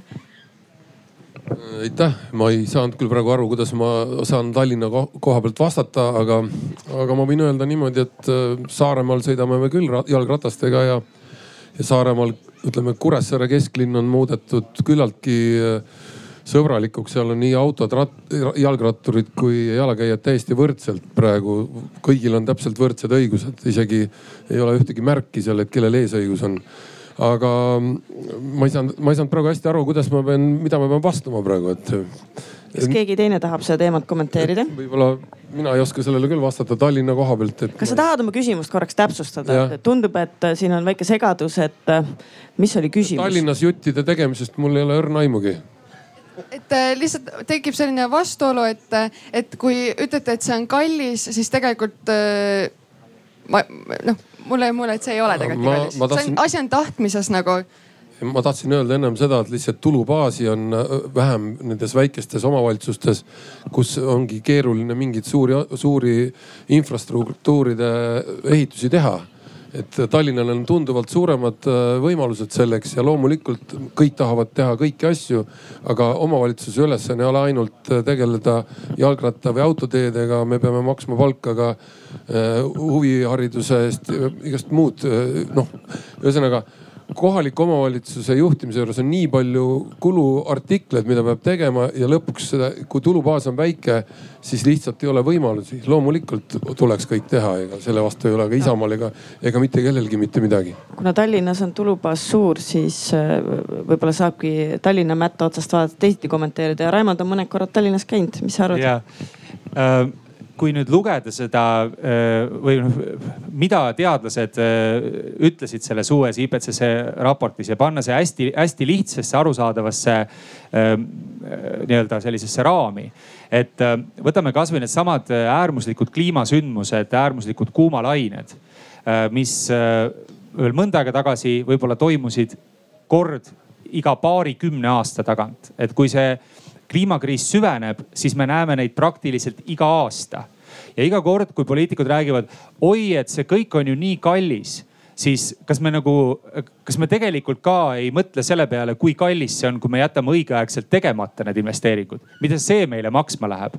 selles mõttes, kui me ühel hetkel ka oma Põhjamaade pealinnades peame hakkama nagu ehitama linnu ümber, sellepärast et inimesed lihtsalt surevad kuuma tõttu ära siis, siis see läheb meile nagu väga-väga palju maksma. et ma arvan, tegelikult sellest hoidumine või no me täna sellest täiesti hoiduda ei saa, see rong on juba läinud. aga selle nii-öelda selle, selle, selle auto avarii, mis tegelikult juba toimub, lihtsalt see toimub aastakümnete jooksul. selle nagu võimalikult pidurdamine, ma arvan, on oluliselt odavam, kui lasta tal nagu lõpuni kulgeda nii Süleiksa, siis Kristen, siis Loone, siis Ando ja siis on publiku seast kommentaar ma lisaks ka veel nii palju, et, et kui me võrdleme noh, just Tallinna puhul, et äh, kui palju on äh, tehtud investeeringuid näiteks äh, auto sõiduteede rajamisse, siis see on muidugi tohutult palju suurem Äh, kui seda on näiteks äh, siis mõned äh, jätkusuutlikumad liikumisviisid nagu näiteks jalgrattateed või jalgsi käimine või ühistransport siis loomulikult need ei ole võrreldavad ja kui rääkida sellest, et tõepoolest väiksemates omavalitsustes on selliste investeeringute tegemine keerulisem Tallinna puhul see tõesti nii ei ole, et äh, nagu Kristjan ütleski, et äh, raha on nagu putru, on ju, aga seda lihtsalt äh, kasutatakse väga halvasti. ja tõepoolest Tallinn ongi täna sellises olukorras, kus meil on ka vastu võetud kliimakava, aga neid otsuseid ei tehta ikkagi veel seda kliimakava järgides, et me, me vaatame, mis protsessid on Tallinnas lähiaastatel toimumas, siis me näeme ikkagi, et are, eelisarendatakse siis äh, autoliiklust äh, ja, ja kõik selline, mis, mis peaks tegelikult seda rohe, rohepöördesse panustama, on, on tegelikult taha, tagaplaanil. Kristjan. jah, et ma siit isegi jätkaks, et Tallinnal on ju väga korralikud arengukavad ja kui küsida, et kas raha on, raha on ja kui küsida, et kas need arengukavad ja raha kasutus läheb kokku, see tähendab seda, et noh, kas äh, sellist äh, säästlikku ja arukat mõtteviisi planeerimises, ehitamises võiks kasutada juba võiks jah, ja isegi plaanid on. Näiteks rattastrateegia on. Ja kui küsida, et kas mõnel põhiteel on seda rattastrateegiale vastavat kilomeetritki rajatud, siis vastus on ilmselt ei. Nüüd vist parim saavutus seni on Gonsiori ristmiku ületamise võimalus peaaegu, eks ju, ja samamoodi on näiteks linnavalitsuse ette tehtud ka sihuke väike jupp rattateed, mis läheb ei kuhugi ja tuleb ei kuskilt. et aga seal on võimalus edasi-tagasi sõita ja pilti teha, eks, et kõik on olemas.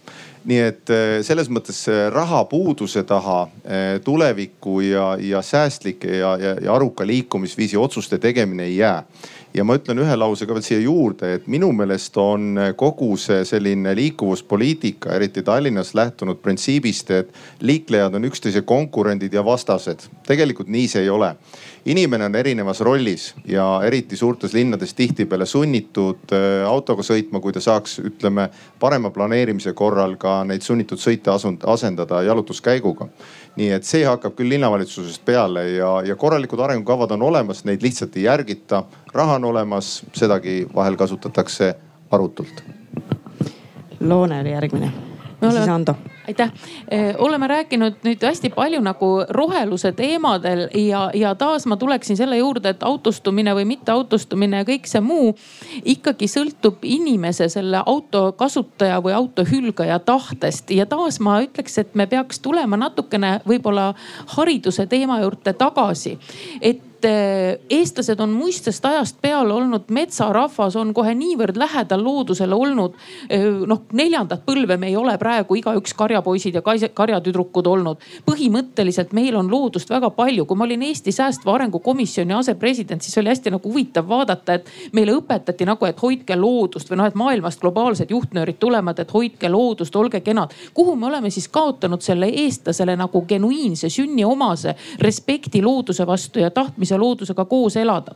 kas see on siis läinud nende suurte linnade nahka ja siis tuli nagu mul pähe praegu neid teid kuulates, et äh, me räägime, me ei ole praegu üldse veel rääkinud näiteks noh, linnade taas, taastootmisest või nagu sellest rahvastikuprobleemist linnas, et kas me äh, tahame stabiilseid linnu või siis peaks linnade vastupidi elanike arv langema ja inimesed peaks kolima näiteks maale, siin on ju maad küllalt.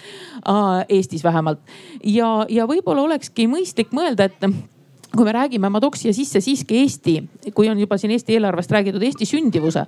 ja kui me räägime, et sündivust kasvatada, siis üks demograafiline näitaja, mida ma seal säästva arengu komisjonis ka nagu me uurisime, et eh, need, kes elavad väikestes korterites keset linna, neil on vähem eh, lapsi kui nendel, kes elavad aedlinnakutes linna ümber. mõtleme võib-olla selle rohelise piirkonna laienemisele, laiendamisele linna abiga, aitäh. aitäh, Ando. ja aitäh, et ähm, ma ennist ütlesin ka, et hästi oluline on ju see, et, et arengut veab linn, kohalik omavalitsus, mitte ei lohise arengul järel. et ja sellepärast läbi planeeringute ja nii-öelda läbi ettevaatava, eks ole, sellise käitumise, siis on võimalik minu meelest päris palju ikkagi saavutada, et, et kui me vaatame linnaruumi ja võrdleme teda siis koduga, majaga näiteks, et sul on elutuba, et see on kesklinn. see on see, kus me puhkame, võtame külalisi vastu, kus me noh, veedame oma vaba aega, eks ole, et seal on kõik meil hästi ilus. meil on võib-olla palju taimi seal ja meil on, meil on mugav mööbel ja ma ei tea, ilusad vaated kuskil ja nii edasi ja nii edasi. siis meil on, eks ole ähm, ma ei tea, köök ja, ja nõnda edasi, et kui me kõiki neid asju, ehk siis kui me vaatame linnaruumi äh, ja, ja, ja, ja, arendame teda samamoodi nagu oma kodu. et ja, ja läbi, ja läbi rolli. me ju ei ju ei, ma ei tea, ei taha, et läbi elutoa sõidab mingisugune tossutav asi, eks ole. et me peaksime eelistama seal, seal saab jalutada, seal rattaga sõita ja nii edasi. et aga me peame alati mõtlema ka selle peale, et kõik linnad, kõik on tõmbekeskused ja neid teenuseid, mis seal linnas pakutakse, neid kasut-, neid kasutavad inimesed ka väljaspool linnu, kes tulevad paraku autodega. ja meil peab olema ka plaan kus me siis nad suuname, need, kes tulevad kaugemalt ja on sunnitud tulema autodega. ehk siis ettevaatav käitumine, planeerimine ja arengute eest vedamine. linn nagu elutuba aitäh, aga nüüd repliik publikult ja, ja ma ütlen, et publikule kehtib sama reegel, mis äh, siinoliijatele, et üks minut tere, olen Kristel. tegelikult on juba järgmise teema peale mindud, aga võtaks repliigi asemel siis hoopis küsimuse, et äh, võtaks äh, praegu Looneotsa rahvastikuprobleemi ja, või, või küsimuse rahvastiku taastootmisest pluss äh, teiste juttu suurest arenemisest, siis ma küsiks pigem seda poolt, sedapidi et äh, mõelge ühtlasi ka kliimamuutustele ja kas arengustsenaarium võiks olla hoopis kestlik äh, kahanemine linnade jaoks, kaasa arvatud Tallinn kusjuures. kestlik kahanemine, kes tahab kommenteerida? Andol on käsi püsti, Mart Loone. ma pean ütlema seda, et aitäh selle küsimuse eest, et Viljandi, ma arvan, et ka Kuressaare ja, ja kõik muud linnad peale Tallinna ja, ja, ja Tartu Eestis tegelevad selle kesk, kesklik, kestliku kahanemisega igapäevaselt praegu, et uh, juhuu, ütleks ma selle peale, et me vist järelikult täidame eesmärki. aga nali naljaks, ma tahtsin seda öelda, et, et ega lõppude lõpuks noh, ma arvan, kliimamõju või kliimale mõju sõltub väga palju meie kõigi käitumisest, eks ole, et mida rohkem me ikkagi tarvitame, seda hullemaks asi läheb ja kui me iseenda käitumist äh, ei piira, siis me võime ükskõik mis ägedaid tüüpe äh, linnu ja riike juhtima valida, aga sealt, sealt ei tule midagi, et, äh, et me peame iseendast pihta hakkama. Mart. jah, ma tahtsingi lisada seda, et tegelikult Saaremaal on samamoodi, et üsna palju hakatakse kolima just maale aga et maale kolida, siis peab alati seal olema ka lähedal noh, mingid võimalused, noh et äh, piirkondlikud keskused, kus on siis kool, lasteaed, rahvamaja, pood, hea oleks, kui oleks kirik ja, ja need, need väiksed keskused on tegelikult nagu pisikesed linnad. ja kui nüüd võtta Saaremaa kontekstis, siis Kuressaare on seesama tõmbekeskus, kus käiakse just nimelt autoga, nagu ennem ütles Ando. siin ongi väga erinev lähenemine sellele, et Tallinna inimesed räägivad kogu aeg jalgrattateedest, et kuidas saaks seda linna keskelt teha rohelisemaks. aga meie elame selle roheluse sees ja kogu aeg mõtleme seda, et kuidas me saaksime seda linna arendada niimoodi, et meil oleks kõik need spordi ja vaba aja veetmise keskused ja sellised asjad, et need maalt need inimesed tulevad linna, et nad saaksid neid elementaarseid noh võimalusi kasutada. täiesti erinevad teemad selles suhtes. loomulikult ei ole ka Kuressaares jalgrattaga sõitmine võimatu ja, aga väga keeruline üldse seal midagi muuta. näiteks Kuressaares on lihtsalt linn niimoodi välja arenenud, et kesklinn on nii keskel, et sealt ei saa üle ega ümber, et vahepeal taheti kesklinna kinni panna et oleks äh, võimalik selle jalakäijate paik tekiks. siis hakkasid kõik ettevõtjad sellele kohe vastu, ütlesid, et kuulge, meil pole niigi ühtegi klienti, et nüüd, nüüd need viimased lähevad ka ringiga mööda, nii et kõik on seotud omavahel ja tegelikult ikkagi peale selle keskkonna, rohepöörde ja muude asjade on linna, ütleme omavalitsustel nii palju muid muresid, kuhu läheb hästi palju raha. nii et selle peale peab kogu aeg mõtlema, nii et see on üks suur tervik ja, ja kui linnapead valida, siis ei saa ainult selle järgi valida, kas ta istutab kümme puud või ühe puu aga ka selle peale, et kuidas ta siis, kuidas on lasteaedades kohti, kuidas on koolid korras, kuidas on kõik muud kulud, palgad makstud ja, ja seda peab ka nagu väga tähelepanelikult vaatama. täna me oleme keskendunud ainult praktiliselt ühele samale kitsale alale. Aitäh. Loone Süleiksa ja siis Jaan. Aitäh, et see kestlik kahanemine, aitäh Kristel, see oli päris, päris äge, äge lause, mul natuke võttis nagu äh, neelatama, sest et me ju noh, kui me räägime abstraktsest linnast, kui me räägime mis iganes endisest Kuala Lumpurist, kus võib-olla elab tõesti kolm tuhat viissada inimest ühes majas, mis on kõrghoone ja seal on nagu teised reeglid, aga ma mõtlen, et noh, meie Eestis ei tohiks mingil juhul ju kogu see rahvaarv ei tohiks ju kahaneda, see peaks ju kangesti tõusma, muidu meil ei ole varsti üldse, kes neid linnu hooldab ja, ja aitab e, e, ja võib-olla räägiks hoopis kestlikust valgumisest või kestlikust väljavalgumisest. et see ei tähenda, et eh, linna noh, et me ei tohiks nagu lapsi saada, et me ei tohiks nagu perekondades rohkem lapsi evida. aga et me lihtsalt paigutaksimegi võib-olla need lastega pered, et linnal oleks võimalusi, no see on ideaalne, see oleks utopism, aga miks me ei võiks unistada, unistada tulebki suurelt. et näiteks linna maa-alad või piirnevate valdade maa-alad, et leitakse kokkulepe, et antakse mingeid krunte toetusega, abiga. tasuta me ei anna, aga ütleme, et mingite pikaajaliste laenudega just nimelt, et tekitada roheluses olevaid väikesi maju, millel on aed, kus lapsed harjuks kogu aeg roheluses olema ja kus inimesed julgeksid Minut. saada rohkem kui ühe lapse. oi kui ilus see oleks, aitäh. Süleiksa. et aitäh, Kristel, selle küsimuse eest. ma arvan, et see kestlik kahanemine, et see on noh, mingis mõttes juba paratamatu, et kui me vaatame, mida teevad noored, siis äh, täna need noored ei julge perekonda luua, sest äh, see, mida ütlevad meile teadlased, et mis äh, hakkab siin järjest enam sündima meie planeedil, ei tekita seda kindlust, et me tahaksime rohkem lapsi saada. ja, ja paratamatult, äh, kui me vaatame, mis Eestis toimub, on ju ka see, et äh, rahvastik vananeb ja minu arust me peaksime hoopiski rohkem pöörama tähelepanu sellele, kuidas juba olemasolevad inimesed, kuidas nende elukvaliteedi tõsta, mitte muretseda selle pärast, et lapsi muudkui juurde tekiks. et ja, et selles mõttes, et äh, ja aa, ma tahtsin veel sulle ka vastata, et äh, palun ärme vastanda rohepööret äh, siis mingitele muudele probleemidele. et rohepöörde tegemine, et rohepööre peab olema integreeritud kõikidesse valdkondadesse, äh, millega linnad ja, ja riik tegeleb. aitäh. Jaan ja siis Kristjan. ja et et oleme ikka ausad, et äh, nii palju on elu edasi läinud, et noored lihtsalt äh, tahavad elada, tahavad äh, oma elu ära elada, siis hakatakse sellest lapsi tegema, et siit tuleb see vähenemine. ja ära seda arva, et me mõtleme, mis tuleb kümne aasta pärast geoloogiliselt või mis siin juhtub. sõja ajal ka tehti lapsi, nelikümmend, nelikümmend viis, nelikümmend kuus sündis väga palju inimesi Eestis. aga ma repliigina tahan öelda selle autonduse kohta, et me kõik kirume autosid ja mina julgen ebapopulaarselt öelda, kui me vaatame täna Paide linna, siis Paide linnas ja ümbruses on rohkem autosid, kui tavaliselt on siin elanikke, ma ei eksi. ja, ja, ja keegi ei tulnud siia ühistranspordiga, ma oleks võinud panna Tallinnast ja Viljandist bussid käima. kõik tulid oma autodega ja oleme ausad ka, tegelikult tuleb leida linnas lahendus, kuidas need autod ära paigaldada, kuidas nendega parem liikuda oleks. sest lasteaeda ja kooli lapsi ikka me kõik viime, me ei vii jalgrattaga neid, aitäh järgmine aasta sina korraldad bussid meile, väga hea plaan. nii, Kristjan ja siis Mardi repliik. ütleks Jaanile sõbralikult, et äh, minu meelest on liiklejad liitlased, inimene ongi erinevas rollis, nagu sa osutad. aga lapsi äh, võiks lasteaeda viia vahel ka rattaga, see ei ole ennekuulmatu juhtum.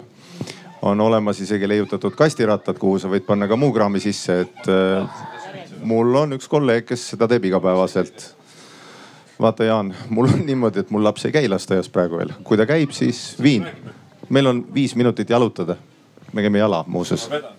vot nii, aga linnas on üldiselt peaks jõudmagi sellele, et linnaruum on selline, kus äh, lapsed saavad tegelikult ise liikuda turvaliselt. et ei oleks sedasama, mida Jaan kirjeldab, et äh, ema-isa on sunnitud bussivedaja kogu aeg ja nüüd tulles originaalse küsimuse juurde tagasi, et kas linnad peaks kestlikult kahanema, siis äh, noh, minu meelest peaks tegema kõike, et lapsi sünniks rohkem sest eh, kõike muud praktiliselt saab juba kuskilt Hongkongist või Hiinast, ainult et eh, eestlasi ei saa, et eestlasi tuleb ikka siin teha, eks et eh, mina pingutaks pigem selle nimel ja Tallinnas nüüd järgneb tasuta teadaanne, kallid noored, lasteaiakoha tasu võiks kaduda.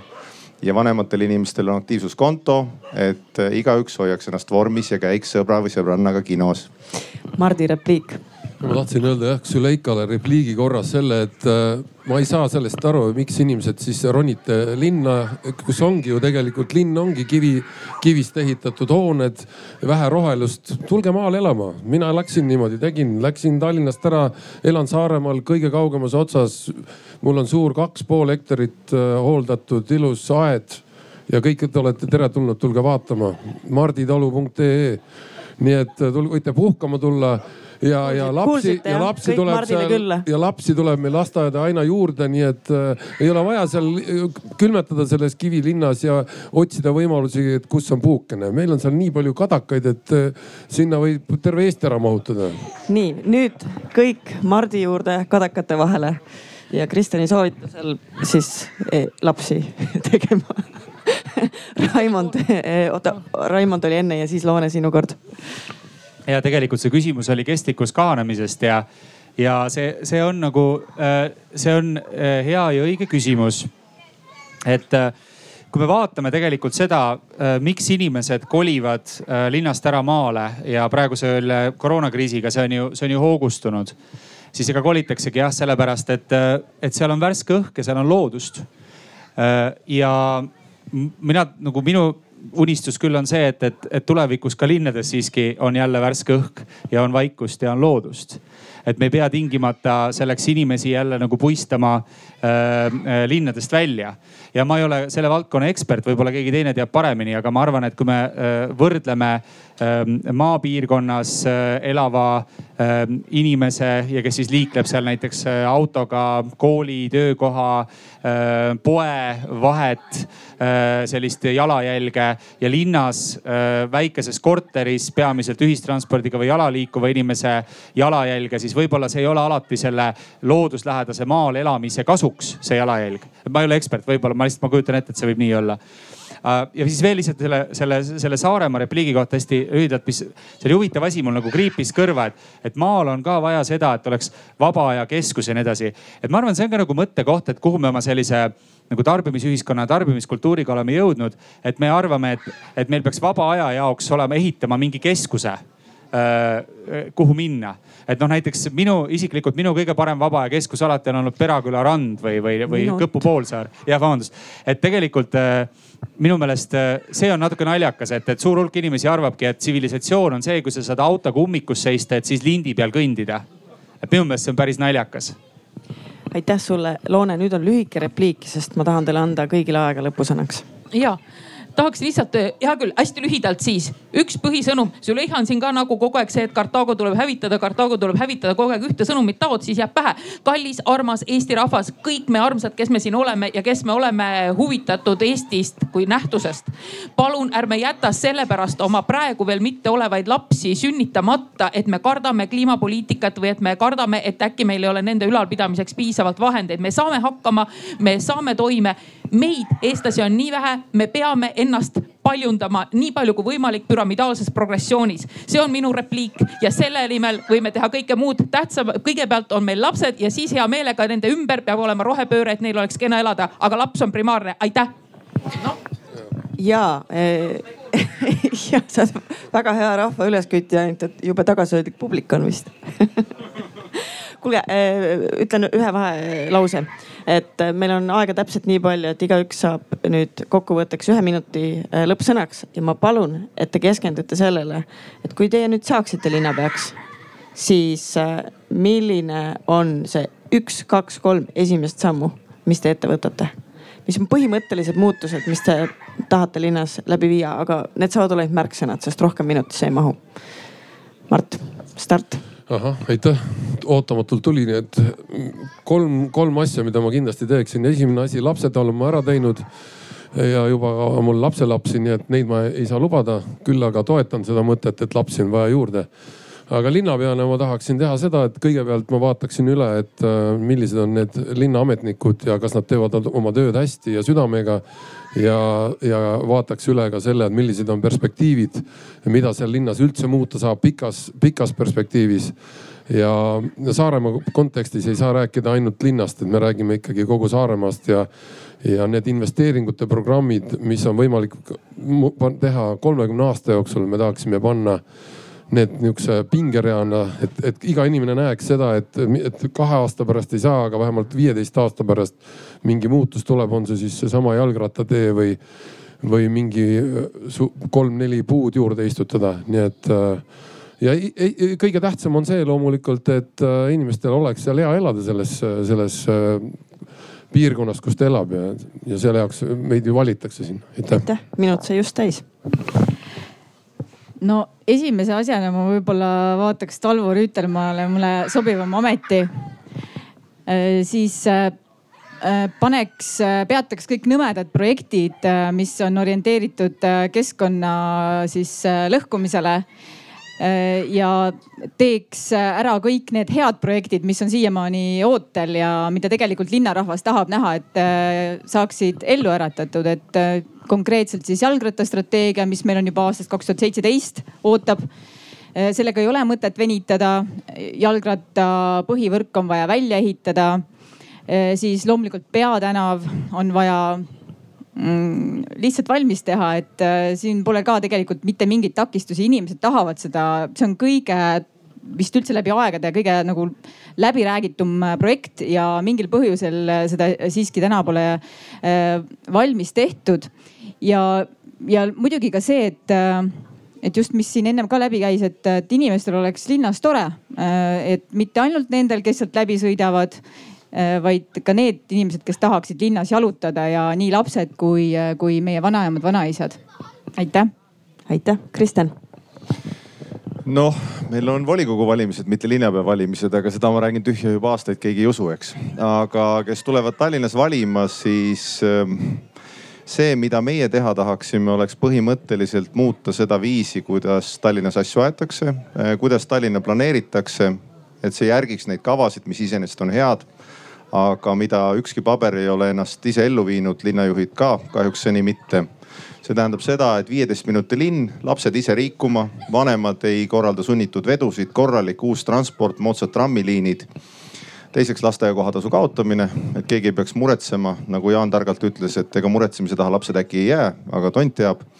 ja kolmandaks tegelikult, et meie emad-isad, vanaemad, vanaisad tegelikult saaksid aktiivselt liikuda, saaksid pärast kogu seda koroona jama, millega tõenäoliselt õpitakse elama, saaksid ise minna teatrisse, kinno ja kuhu iganes trenni, teeme ära aktiivsuskontot. Need on kindlasti kolm asja, mis me tahaks teha. täpselt kuuskümmend sekundit, suurepärane. Raimond ja äh, Kristjani äh, tähelepanek on väga õige, et minu meelest Tallinna puhul nendel valimistel äh, ongi, küsimus pole niivõrd linnapea isikus, vaid küsimus on selles, et me tõepoolest saaksime tubli tööka koalitsioonivalitsuse ja siis küsimus selles, keda nagu inimesed tahavad selles koalitsioonivalitsuses näha et see on, ma arvan, nagu kõige olulisem. Nüüd mida teha, on kaks asja, et see äh, linnaruumi küsimus on väga oluline küsimus ja me peame pöörama selle püramiidi, mis täna Tallinnas on täitsa valesti, kus esikohal on autod ja kõige viimasena tulevad jalakäijad, täpselt teistpidi. nii et me peame kõigepealt kaitsma jalakäijaid. muuhulgas see tähendab seda, et me peame jalakäijatele andma kõnniteed tagasi, et see ka ei ole täna normaalne olukord, kus jalakäija peab kartma, et talle sõidab elektritõukeratas või jalgratas otsa. et me peame suutma need liiklejad teineteisest ära eraldada nii, et kõigil on hea liikuda teine asi, millest me täna üldse ei rääkinud äh,, aga märksõnana märgin ära, on sotsiaal- ja tervishoiu valdkond. Tallinna linn ja kõik teised Eesti omavalitsused on peamised sellise esmatasandi sotsiaalteenuste pakkujad ja see on ka väga oluline teema, aitäh. aitäh, Viljandisse. ja, minu eesmärk on äh, linnapeaks kandideerimisel äh, see, et Viljandi linn oleks mitte ainult Eestis, vaid kogu Põhjamaades näiteks kümne aasta pärast kõige õnnelikemate inimeste linn. ja sellepärast esimese asjana ma moodustaksin oma meeskonna. ehk siis vaataksin, ajaksin ideaalse kamba kokku. ja noh, neid, kes sinna ei mahu, nendele vaataksin siis midagi muud, nagu sa seal Talvoga tahtsid teha ja. ja teine asi, ma käivitaks äh, kohe üldplaneeringu uue. et äh, üksteist aastat on viimasest möödas, natuke liiga pikk aeg. uued arengud tulevad peale ja nendega tuleb arvestada ja tuleb vaadata, et äh, kuidas me saame siis äh, kuidas Viljandi linn nende õnnelike inimeste jaoks oleks hästi mõnus, meeldiv, muuhulgas ka roheline, et ähm, noh. ja kolmas asi, kolmas asi. viis sekundit. üks hästi lihtne asi, et äh, kesklinnas on ühte lasteaeda veel vaja, me teame seda. Ja kaks korda üks minut läheb Tartusse lõpusõnaks. ja aitäh et äh, see teema, mida ka Mart natuke ütles, et esimesena tegelikult tuleks üle vaadata Tartus konkreetselt linnavalitsuse ametnike arv. Äh, see on üle Eesti riigiametnike ja omavalitsuse ametnike arv ainult kasvab ja töötajate arv ainult väheneb, et see kuskil äh, ei ole, ei klapi asi. teiseks olen nõus sellega, et Tartus, me oleme seda mitu korda ütelnud ja meie programmis, et lasteaiamaksud tuleb viia miinimumi või kaotada. täna on Tartu peale Viimsi valda kalliduselt teine lasteaiamaksude maksja. ja, ja kolmandaks eh, on tõesti see, et linna eh, kõik eh, liikumisskeemid tuleb üle vaadata, aitäh. Loone, lõppsõna. aitäh ja alustasin otsedemokraatiast, lähen siis sellega edasi, et minu esimene lubadus oleks, et tähtsates suurtes asjades, mis jäävad linnaelu mõjutama kauaks ajaks, nendes rahvas ise saaks ütelda oma sõna korraliku, neutraalse, kallutamata info ja täieliku info põhjal, see oleks esimene ja kuna Tartu rahvas ise, me tegime suuri küsitlusi, mis on tartlastele kõige tähtsam. neli tuhat tartlast vastas, väga selgelt tuli välja, et füüsiline turvalisus ja üldse turvalisus linnas. siis kindlasti lammutaks ära kõik tondilossid, kõik niisugused totrad alad, kus praegu mitte midagi ei toimu ja pole ka noh muud kohta kui ainult narkomaanidele ja, ja, ja sellistele tulepõletajatele. teeks need alad korda, võib-olla hoonestaks, võib-olla pargistaks. edasi, mitte mingil juhul ei oleks ma enam silmakirjalik. ma lõpetaksin ära silmakirjalikkuse linnas, et kui ma raiun maha suured puudesalud, nagu praegu ihastes gaasik maha võeti ja siis ma ehitan pesklinna ilusad puidust, puidust varjualused, kus saaks siis nagu varju leida, et ma võtan maha kesklinna pargi põlispuud ja siis ehitan sinna varjualuse, et päike peale ei paistaks. selle silmakirjalikkuse ma lõpetaks kohe ära. ja veel ütlen, et Tartu lasteaiatasu on praegu Eesti kõrgeimaid, viisteist protsenti sissetulekust vanematel. ma viiks ta, tasuta juust on ainult hiirelõksus, aga ma viiks ta kaheksale protsendile, teisest lapsest alates veel kahandaks poole võrra, kolmandast paneksime kõik kolmekesi priilt lasteaeda, juhul kui mõni tuleb. sõim käib ka sinna alla, aitäh.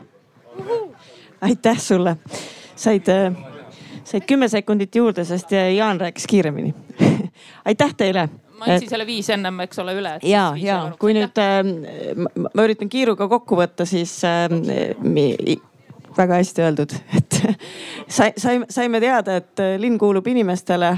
Tallinnas on raha. rohepööre on vajalik. Viljandisse tuleb lasteaed ja kõik on oodatud maale Mardi juurde külla kadakate vahele lapsi tegema. aitäh teile. selge see,